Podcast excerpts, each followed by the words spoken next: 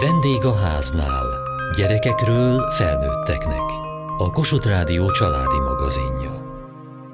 Évekig probléma volt a családunkban az, hogy az alapvetően introvertált, inkább befele forduló férjem ugye eljár dolgozni emberek közé, én meg otthon vagyok az extrovertált anyuka a négy fal között a gyerekekkel, meg az otthon home office lévő munkájával, és hétvégente rendszeresen ez volt az ütközési pontunk, hogy ő szeret, férjem szeretett volna végre otthon maradni, és nyugiban lenni, én meg szerettem volna elmenni valahová. Ez állandóan vitatéma volt, de éveken át vitatéma volt köztünk, és abszolút a konfliktuskezelős tréningnek a hatása az, hogy egyszer egy olyan helyzetben vettem elő ezt a témát, amikor nem konkrétan az volt a kérdés, hogy megyünk-e valahova hétvégén, hanem egy nyugodt, erre alkalmas pillanatban, ami független volt egy konkrét helyzettől, és el tudtam mondani, hogy bennem mik munkálnak.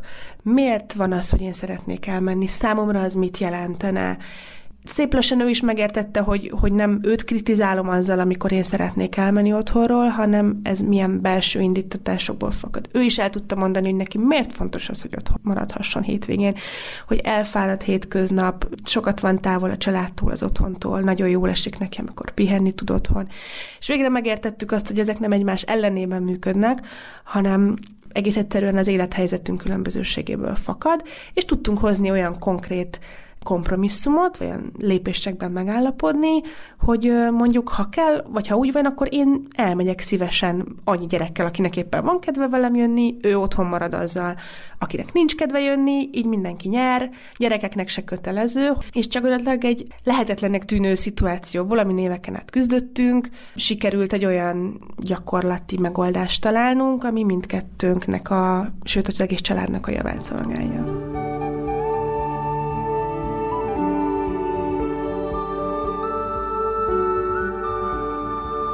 Nehezebb és könnyebb konfliktus helyzetek szövik át mindennapjainkat, és előfordul, hogy úgy érezzük, nem úgy viselkedtünk, ahogy kellett volna. De vajon mit tehettünk volna másként? Néhány éve két édesanya mentálhigiénész szakemberként elindította a nagycsaládos harcművészet műhelyt, ahol konfliktuskezeléssel és stresszkezeléssel kapcsolatos tudást adnak át, nem csak nagycsaládos édesanyáknak. Forján Szabó Kinga, mentálhigiénész szakember. Maga az elnevezés a nagycsaládos harcművészet az onnan jött, hogy vezetőtársammal Dettivel azt éltük meg, hogy a mindennapjaink azon kívül, hogy gyönyörű édesanyának lenni és a legjobb dolog a világon, azon kívül azért nagyon sok küzdelemmel is jár, nagyon sok harccal, hogy egyensúlyozunk, hogy megtaláljuk a sokféleségben, amiben élünk a mindenkinek megfelelő jót, és ebben a küzdelemben megtalálni az egyensúlyt, ez a művészet, és így lettünk mi harcművészek. Ketten alapítottuk ezt a műhelyt Jó Bernadett társammal. Együtt jártunk a mentálhigiénék képzésre, és együtt tanultunk utána pszichodrámát is, meg szervezetfejlesztést is, és arra döbbentünk rá, hogy azok a különböző tréningek, amiket cégekhez eljuttatunk, mint szervezetfejlesztő szakemberek, olyan tudásanyagot adnak át a munkavállalóknak, meg a vezetőknek, amire az édesanyáknak is rendkívül nagy szükségük lenne, hiszen ők is vezetők a saját családjukban, az, hogy ők hogyan bánnak a konfliktus helyzetekkel, hogyan bánnak a saját stressz helyzeteikkel, ez kihat az egész környezetükre. És ahogy nem mindegy, hogy egy vezető a cégben hogyan kommunikál, mert az kultúra teremtő az adott cégben, ugyanúgy nem mindegy, hogy egy édesanyja a saját családjában ezt hogyan csinálja, hiszen ez is kultúra teremtő a saját családjában. Az a egyik hitvallásunk, hogy egy édesanyja, amilyen példát elél a gyerekeinek, az alapvetően hat az egész családjára. Azt a gyerekek magukba szívják. Elé él? Elé él, igen. Bármit csinálunk, bármilyen módszerrel vagyunk benne egy adott konfliktusban, az a gyerekeink számára példa lesz. Akkor is, ha mi arra nem vagyunk büszkék. És ez a műhely ez arról szól, hogy ezt kezdjük el tudatosítani, mert ezek fejleszthetőek. Mennyi idősek a gyermekei, milyen élethelyzetben van? Jelenleg már mind a négy iskolás. Amikor az első kurzusra jelentkeztem, akkor még volt óvodás és iskolás is. Ugye mindenki a saját problémáival jön, és mindenki anyához ragaszkodik, és anyát keresi meg ezzel, meg azzal a kis ügyével, bajával. Sokszor négyen egyszerre. Talán ami nekem legtöbbet adott, az a konfliktuskezeléses tréningen volt. Tanultunk arról, hogy konfliktusokat különböző féleképpen lehet kezelni. Van ötféle módszer, ezeket be lehet osztani, és be lehet sorolni, hogy én melyik módszert használom legtöbbet. És én legtöbbször alkalmazkodó vagyok, tehát a másik szempontjait veszem figyelembe, és inkább alkalmazkodom ahhoz. De ez nem minden helyzetben jó. Egy konfliktus helyzet ugye olyan, hogy szembeáll velem valaki, aki mást akar, és én is akarok valamit, és, és ebben a helyzetben benne lenni olyan, mint szembeszéllel állni, és tartom az arcomat, és csak fúj szembe a szél. És ez egy nagyon kellemetlen érzés tud lenni, főleg nekem más, ez biztos másképp van, de én ezt nagyon nehezen viselem el, és eddig mindig itt hátat fordítottam, és elmenekültem ettől az érzéstől. De most már megtanultam, hogy egyszerűen ez egy adottság, meg egy tulajdonság, hogy ki mennyibe tudja az arcát szélben tartani, szembeszélben, és ha megint ilyen helyzetben vagyok, akkor sokkal több ideig kitartok ebben a helyzetben, és kiállok a saját magam igazságáért, vagy, vagy konfliktus helyzetben a, a célokért. Nem ijedek meg, hogy azért van ilyen rossz érzésem, mert én csinálok valamit rosszul, mert tudom, hogy ez csak egy érzés, ami van, de nem kell, hogy ettől hátat fordítsak a helyzetnek, és elmeneküljek.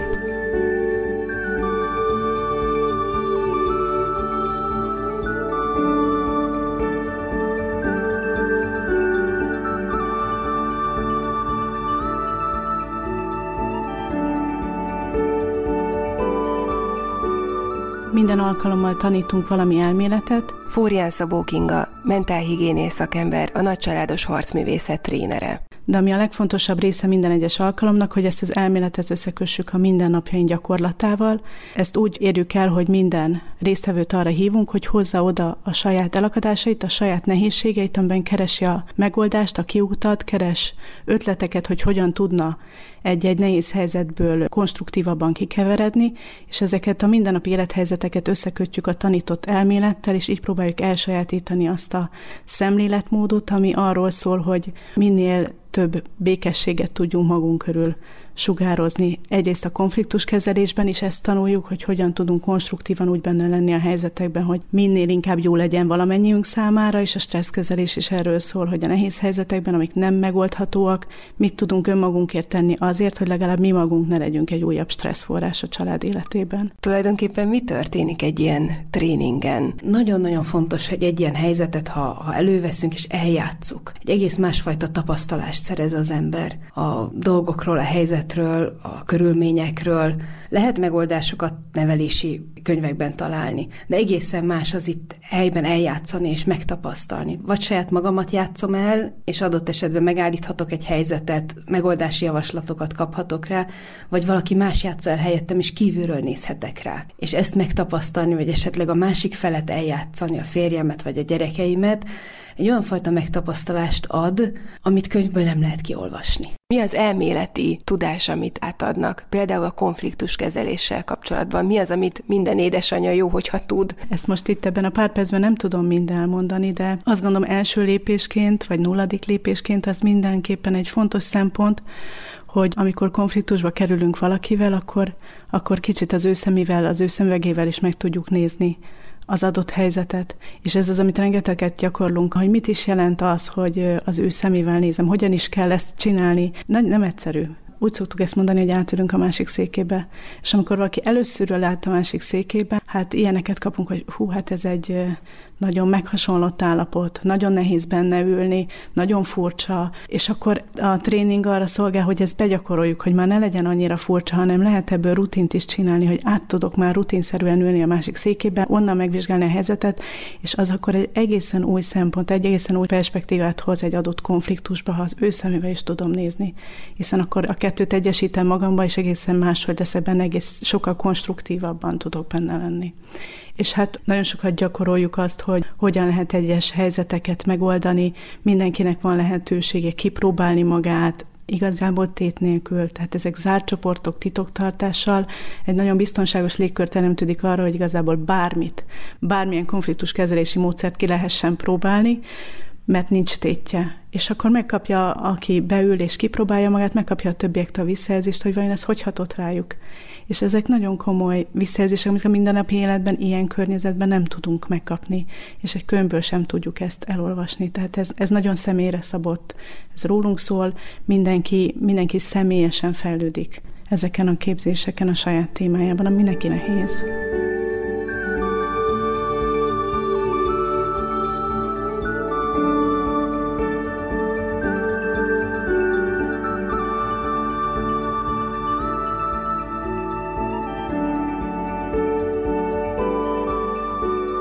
Különbözőképpen oldhatunk meg egy konfliktust. Önök a tréningjeiken ezt sorra is veszik, hogy milyen lehetőségek vannak, melyek ezek? A konfliktus nem csak ötféleképpen, nagyon sokféleképpen lehet megoldani. Nem ezt vesszük igazából sorba, hanem azt, hogy milyen konfliktuskezelési stílusok vannak. És ezt utána a gyakorlatban megnézzük, hogy hogy néz ki, és ezek már nagyon-nagyon sokfélék. Ahány félék vagyunk, és ahány helyzetünk van, annyi féleképpen jelenik meg ez a mindennapokban. A konfliktuskezelési stílusokat azt szerint szoktuk ö, csoportosítani, vagy szétválasztani, hogy mennyire működünk együtt a konfliktuskezelés során a társunkkal, illetve mennyire érvényesítjük abban a helyzetben a saját szükségleteinket, a saját akaratunkat.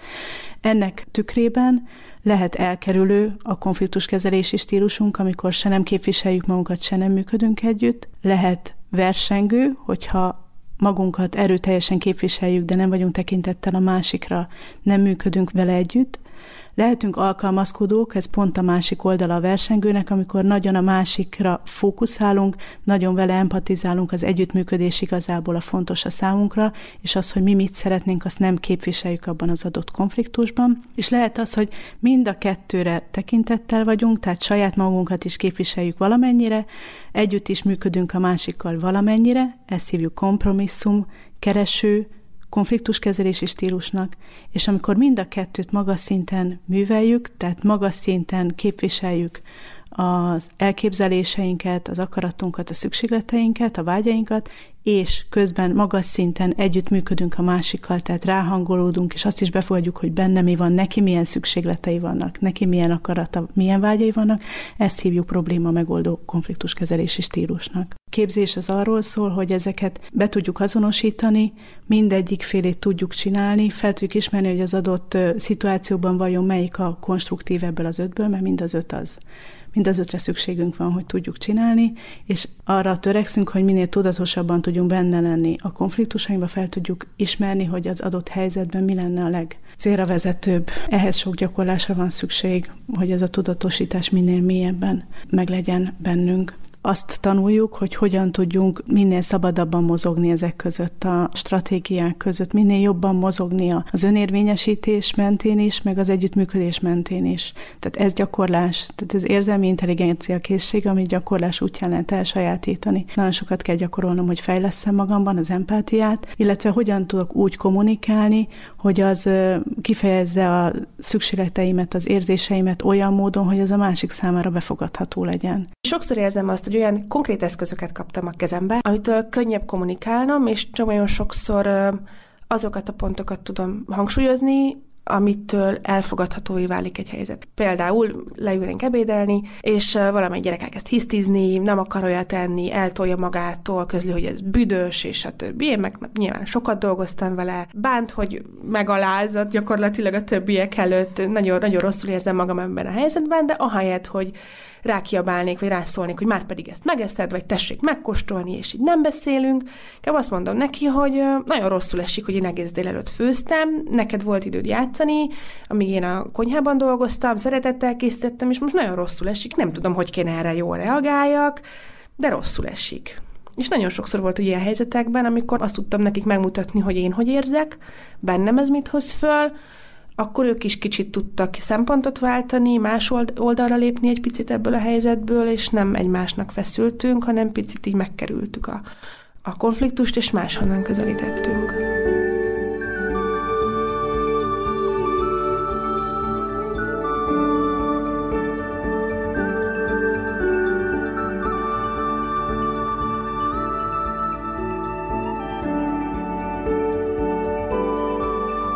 Hogy épül be ez a mindennapokban. Attól, hogy én ezt meghallom, még egy-egy helyzetet ki is próbálok. Ez bármilyen változást elindíthat az én otthoni életemben? Fórián Szabó Kinga, mentálhigiénész szakember, a nagycsaládos harcművészet trénere. Természetesen. Úgy kezdődik ez a mindennapokban, hogy egyre tudatosabban leszünk jelen. Általában az elején még nem tudunk változtatni. Az elején akkor érem tetten a változást, hogy percekkel később eszembe jut, hogy ú, ezt nem jól csináltam ú, mit is csináltam, hogy kellett volna ezt, és akkor idővel, ahogy minél többet gyakorlom, hogy hogy kéne ezt jól csinálni, egyre közelebb kerül a konfliktushoz ez a tudatosság, hogy mit is kéne most csinálnom. És, és így alakul, így épül ez be. Azért is ott alkalmas a tréning, hogy legyen idő a beépülésre. Amikor lejátszuk ezeket az eseteket, akkor az, aki az esetet hozza, az meghallgathat a többiektől megoldási módokat. Nem a tutit akarjuk megmondani, hanem repertoártiptől, hogy hogyan lehet arra a helyzetre reagálni különböző módokon. És akkor itt mi, hogyha többen vagyunk a csoportban, az azért jó, mert nagyon sokféle megoldási mód el tudott hangozni, és aki hozza az esetet, az kiválaszthatja ezek közül azt, ami, ami tényleg úgy érzi, hogy hozzá passzol, ami neki segít. Egy olyan helyzetben, amikor van, akinek nagyon erős konfliktusa volt a apósával, akkor azt érezte, hogy így folyton csak mondja, mondja, mondja, amit szeretne, de az após nem reagál, és amikor így elkezdtünk ehhez repertoárt építeni, hogy hogyan lehet erre még hatni egy ilyen helyzetre, hogy kizökkenjen ebből a, ebből a feszült pat helyzetből, akkor van, aki érzelem gazdagabban kezdte elmondani, van, aki kérdéseket tett föl, van, aki meg elkezdte beszéltetni a másik felet, és csak meghallgatni. És akkor ebből a repertoárból ő megérezte azt, hogy neki ezen az úton valószínűleg következő lépés az, hogy próbálja jobban meghallgatni az apósát, mert, mert ezt még így igazából nem próbálta, és lehet, hogy ez fog neki működni. Tehát, hogy így, így kerülnek fel többféle megoldási módok a, a palettára, és onnan választhatja ki az illető azt, ami azt gondolja, hogy neki most a következő lépés. Azt is hisszük, hogy azért is érdemes így édesanyákkal foglalkoznunk, mert hiszünk a, a rendszer szemléletben, tehát hogyha a rendszer egyik eleme elkezd változni, elkezd másképpen reagálni az adott szituációban, az hat az egész rendszerre. Tehát, hogyha mi hazamegyünk és kipróbálunk valami új dolgot, amit eddig nem csináltunk, de ami nem teljesen idegen tőlünk, tehát nem kell túl nagy erőszakot tenni magunkon, hogy kipróbáljuk, akkor az hatni fog a környezetünkre. És ez így nagyon izgalmas, hogy akkor hogy jönnek vissza egy hónap múlva az anyukák, hogy mit próbáltak ki, mit láttak, milyen hatással volt az rájuk, és akkor megyünk tovább. Akkor az első lépés megvolt, most akkor lépjük a következőt, és így alkalomról alkalomra lépeget ki-ki a maga tempójában, a maga irányában. Mert mindannyiunknak más a nehéz. Ezeken az alkalmakon lehetőség van az ön reflexióra, hogy az ember kicsit kívülről lássa magát? Nyilván, ami itt történik a kurzusokon, az a környezetemet nem fogja befolyásolni. Tehát a gyerekeim, a férjem ugyanúgy fog továbbra is viselkedni. Valami változás, ami történik, az bennem történik. De nagyon lényeges, mert valahol az én viselkedésem úgy fog megváltozni, hogy ettől nagyon nehéz elakadt helyzetek is hirtelen megoldódnak mert már nem ugyanazt a mondatot mondom, mint már százszor előtte, nem ugyanazt a tettet cselekszem, mint százszor előtte, ami nem vezetett célba, hanem most valami mással jöttem elő. Én régen, hogyha nagyon akartam valamit, mondjuk az esti rutinba, hogy menj el mosakodni, most meg a fogad, vedd fel a pizsomádat, ezekhez nagyon tudtam ragaszkodni, mert egyszerűen nekem fontos. De ha azt mondja a gyerek, hogy ő nem hajlandó, akkor ezzel valamit kezdeni kell. És régen erre egy vagy két módszerem volt, viszont itt megtanultam, hogy erre tizen sok megoldás létezik, és, és most ezekből szemezgetek, és válogatok, és minden este más próbálok ki, és némelyik ekkor hatékony, némelyik akkor, de nincs olyan, hogy egy tuti jó megoldás, amit valaki telefonon gyorsan el tudna mondani, hogy figyelj, mindig ezt csináld, akkor jó lesz. Már sokkal hamarabb az ölembe ültetem, vigasztalom, rájövök, hogy sokszor egy iskolai bántódás áll az egész hátterében. Hogy valaki őt bántotta, és ha ezt el tudja mondani, meg meg tudom hallgatni, akkor már egy szót se kell szólnom, is megy zuhanyozni meg a dolgára. Meg néha csak el kell magyaráznom, hogy figyelj, nekem ez nagyon fontos, hogy minden este a megfelelő tisztálkodás meg rutin meg legyen.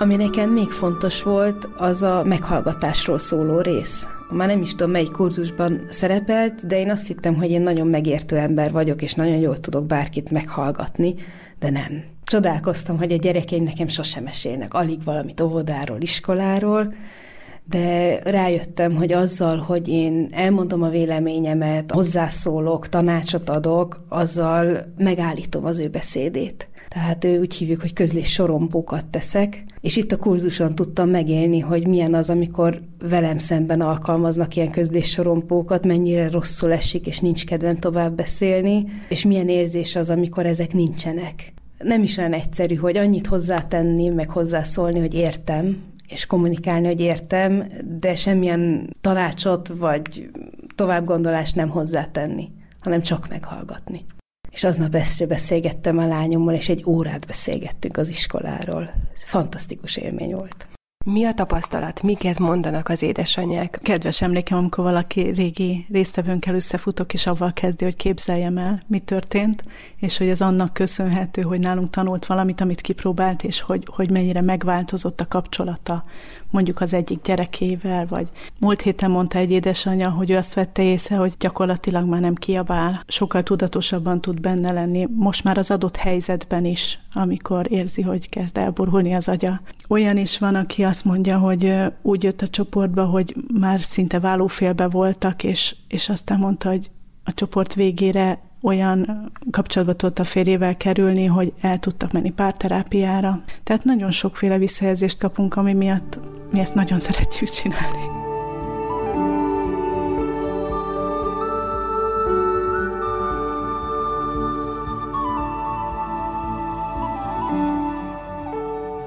Műsorunkban a konfliktuskezelésről beszélgettünk a nagycsaládos harcművészet műhely trénerével, Fórián Szabó Kingával. Kövessék műsorunkat podcaston, vagy keressék adásainkat a mediaclip.hu internetes oldalon.